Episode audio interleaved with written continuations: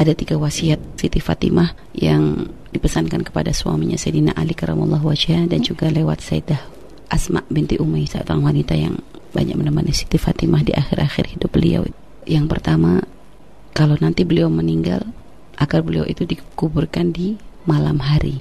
Yang kedua, ketika beliau nanti meninggal, beliau ingin agar jenazah beliau itu ditutup dengan kerandai. Bahwa Siti Fatimah itu ketika melihat seorang meninggal, beliau itu menangis sehingga sampai ditanya oleh Sayyidina Asma, kenapa engkau menangis, wahai putri Rasulullah? Aku hanya berpikir kalau aku mati, aku pun akan seperti itu.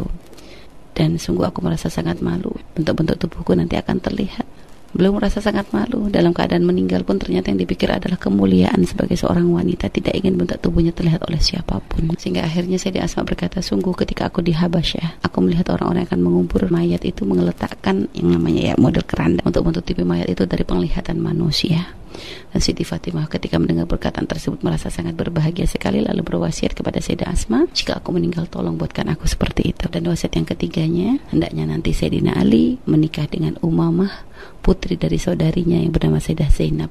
Dan itu memang dilakukan oleh Sayyidina Ali, beliau menikah dengan Sayyidah Umamah, cucu dari Nabi Muhammad sallallahu alaihi wasallam.